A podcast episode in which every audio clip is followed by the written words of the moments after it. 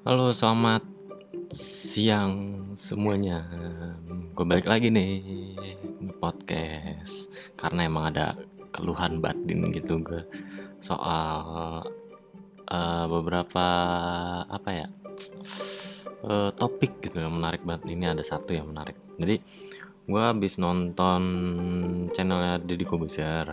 Videonya tuh yang RCTI saya debat, RCTI menjawab eksklusif direktur RCTI. Wih.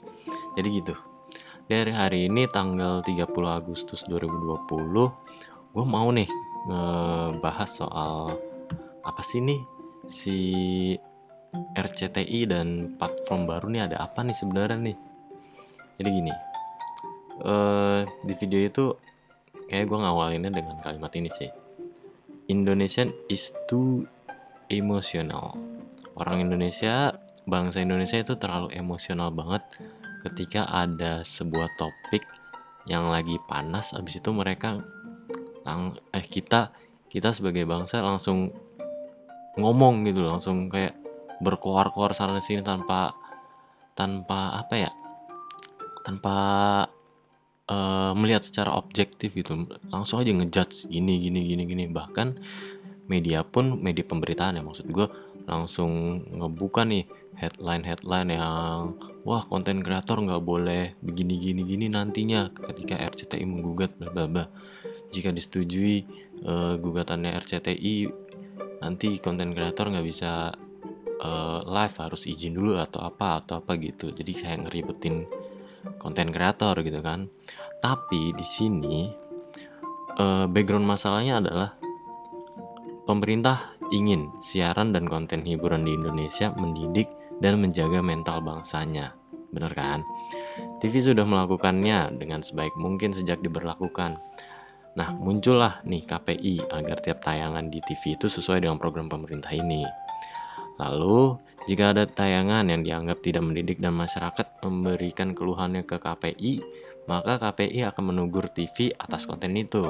Kejadian dong, kayak uh, misalkan yang laki nggak boleh kebencong-bencongan atau nggak boleh ada bikini atau eh, nggak uh, boleh ada adegan seksual intim di acara TV nggak boleh ada kata-kata kotor atau apa pun lah pokoknya yang kalian tahu gitu loh.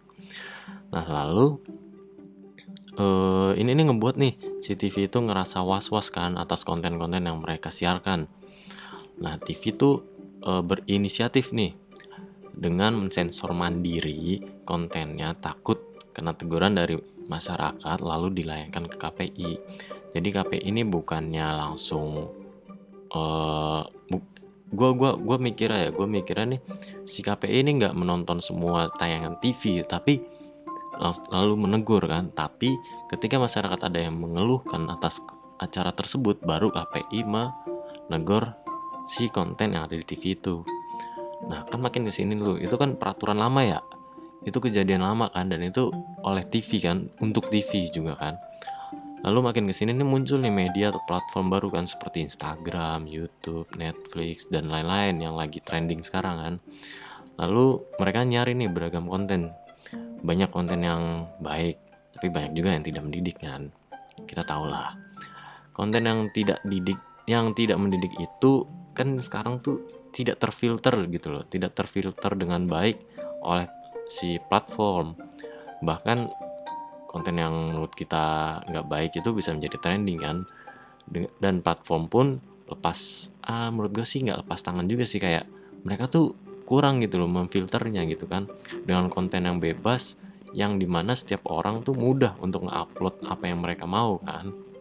Nah yang jadinya para pembuat konten yang baik maupun yang tidak mendidik ini memiliki kebebasan yang sama, audiensnya yang sama, serta tidak ada aturan yang ketat yang sesuai dengan visi pemerintah untuk menjaga hiburan masyarakat di platform yang baru ini.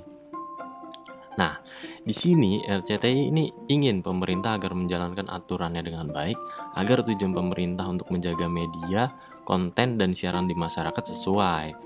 RCT ingin adanya kebijakan pembaruan untuk mengatur platform baru ini agar menjaga konten-kontennya.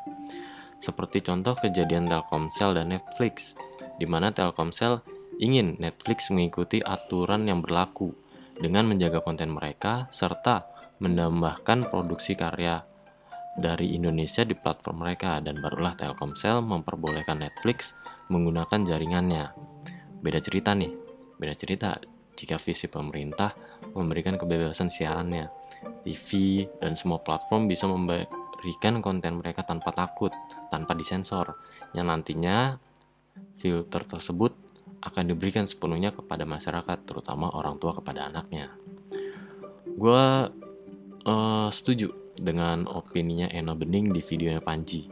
Yang intinya nih ya, intinya dulu YouTube memiliki konten yang bagus karena persebaran internet masih belum luas dan hanya kalangan yang mampu saja yang bisa menggunakan. Tapi beda kan dengan sekarang yang di mana penggunaan internet semakin luas, murah, device-nya pun beragam, dan orang-orang bisa mengupload dan menonton apa yang mereka mau kan. Jadi jadi jangan heran jika ada konten yang kalian anggap jelek kok bisa trending karena masyarakat perlu hiburan kan. Di situasi edukasi yang belum rata dan kebijakan pemerintah yang kurang ketat, internet yang semakin luas dan murah, orang mudah untuk mengupload apa yang mereka mau dan filter masyarakat atas konten hiburan sendiri pun emang sedang rendah. Jadi intinya RCTI sedang mengkritik pemerintah nih atas kebijakannya, atas visinya, atas platform baru yang kurang memperhatikan kontennya.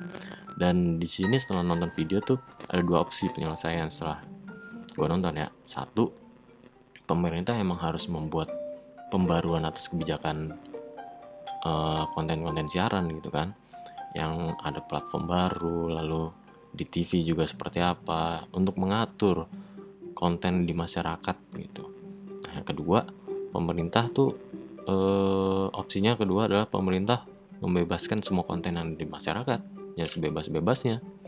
Jadi ya seperti yang gue bilang tadi filter ya jatuh kepada masyarakatnya sendiri gitu kan.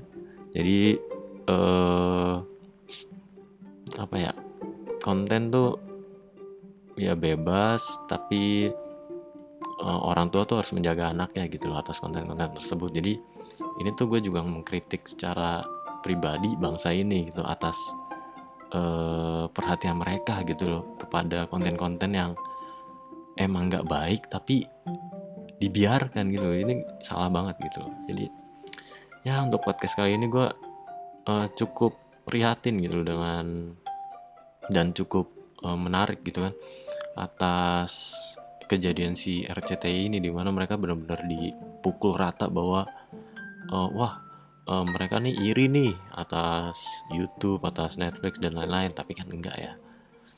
Gitu. Jadi ya kita sebagai bangsa sebagai uh, pribadi jangan terlalu emosional lah ketika ada hal-hal atau ada topik-topik yang lagi panas kita harus melihat secara dua sisi gitu loh apa sih yang sedang digugat dan apa sih masalahnya di mana gitu dan kenapa mereka ngomongnya begini gitu loh 5W satu hal lah sebelum berpikir sebelum mengkomentari gitu loh oke itu aja sih untuk sekarang gue eh, gue berharap sih pemerintah emang harus ada kebijakan baru sih memperbarui uh, si undang-undangnya atau kebijakannya tentang konten-konten yang ada di masyarakat gitu aja sih.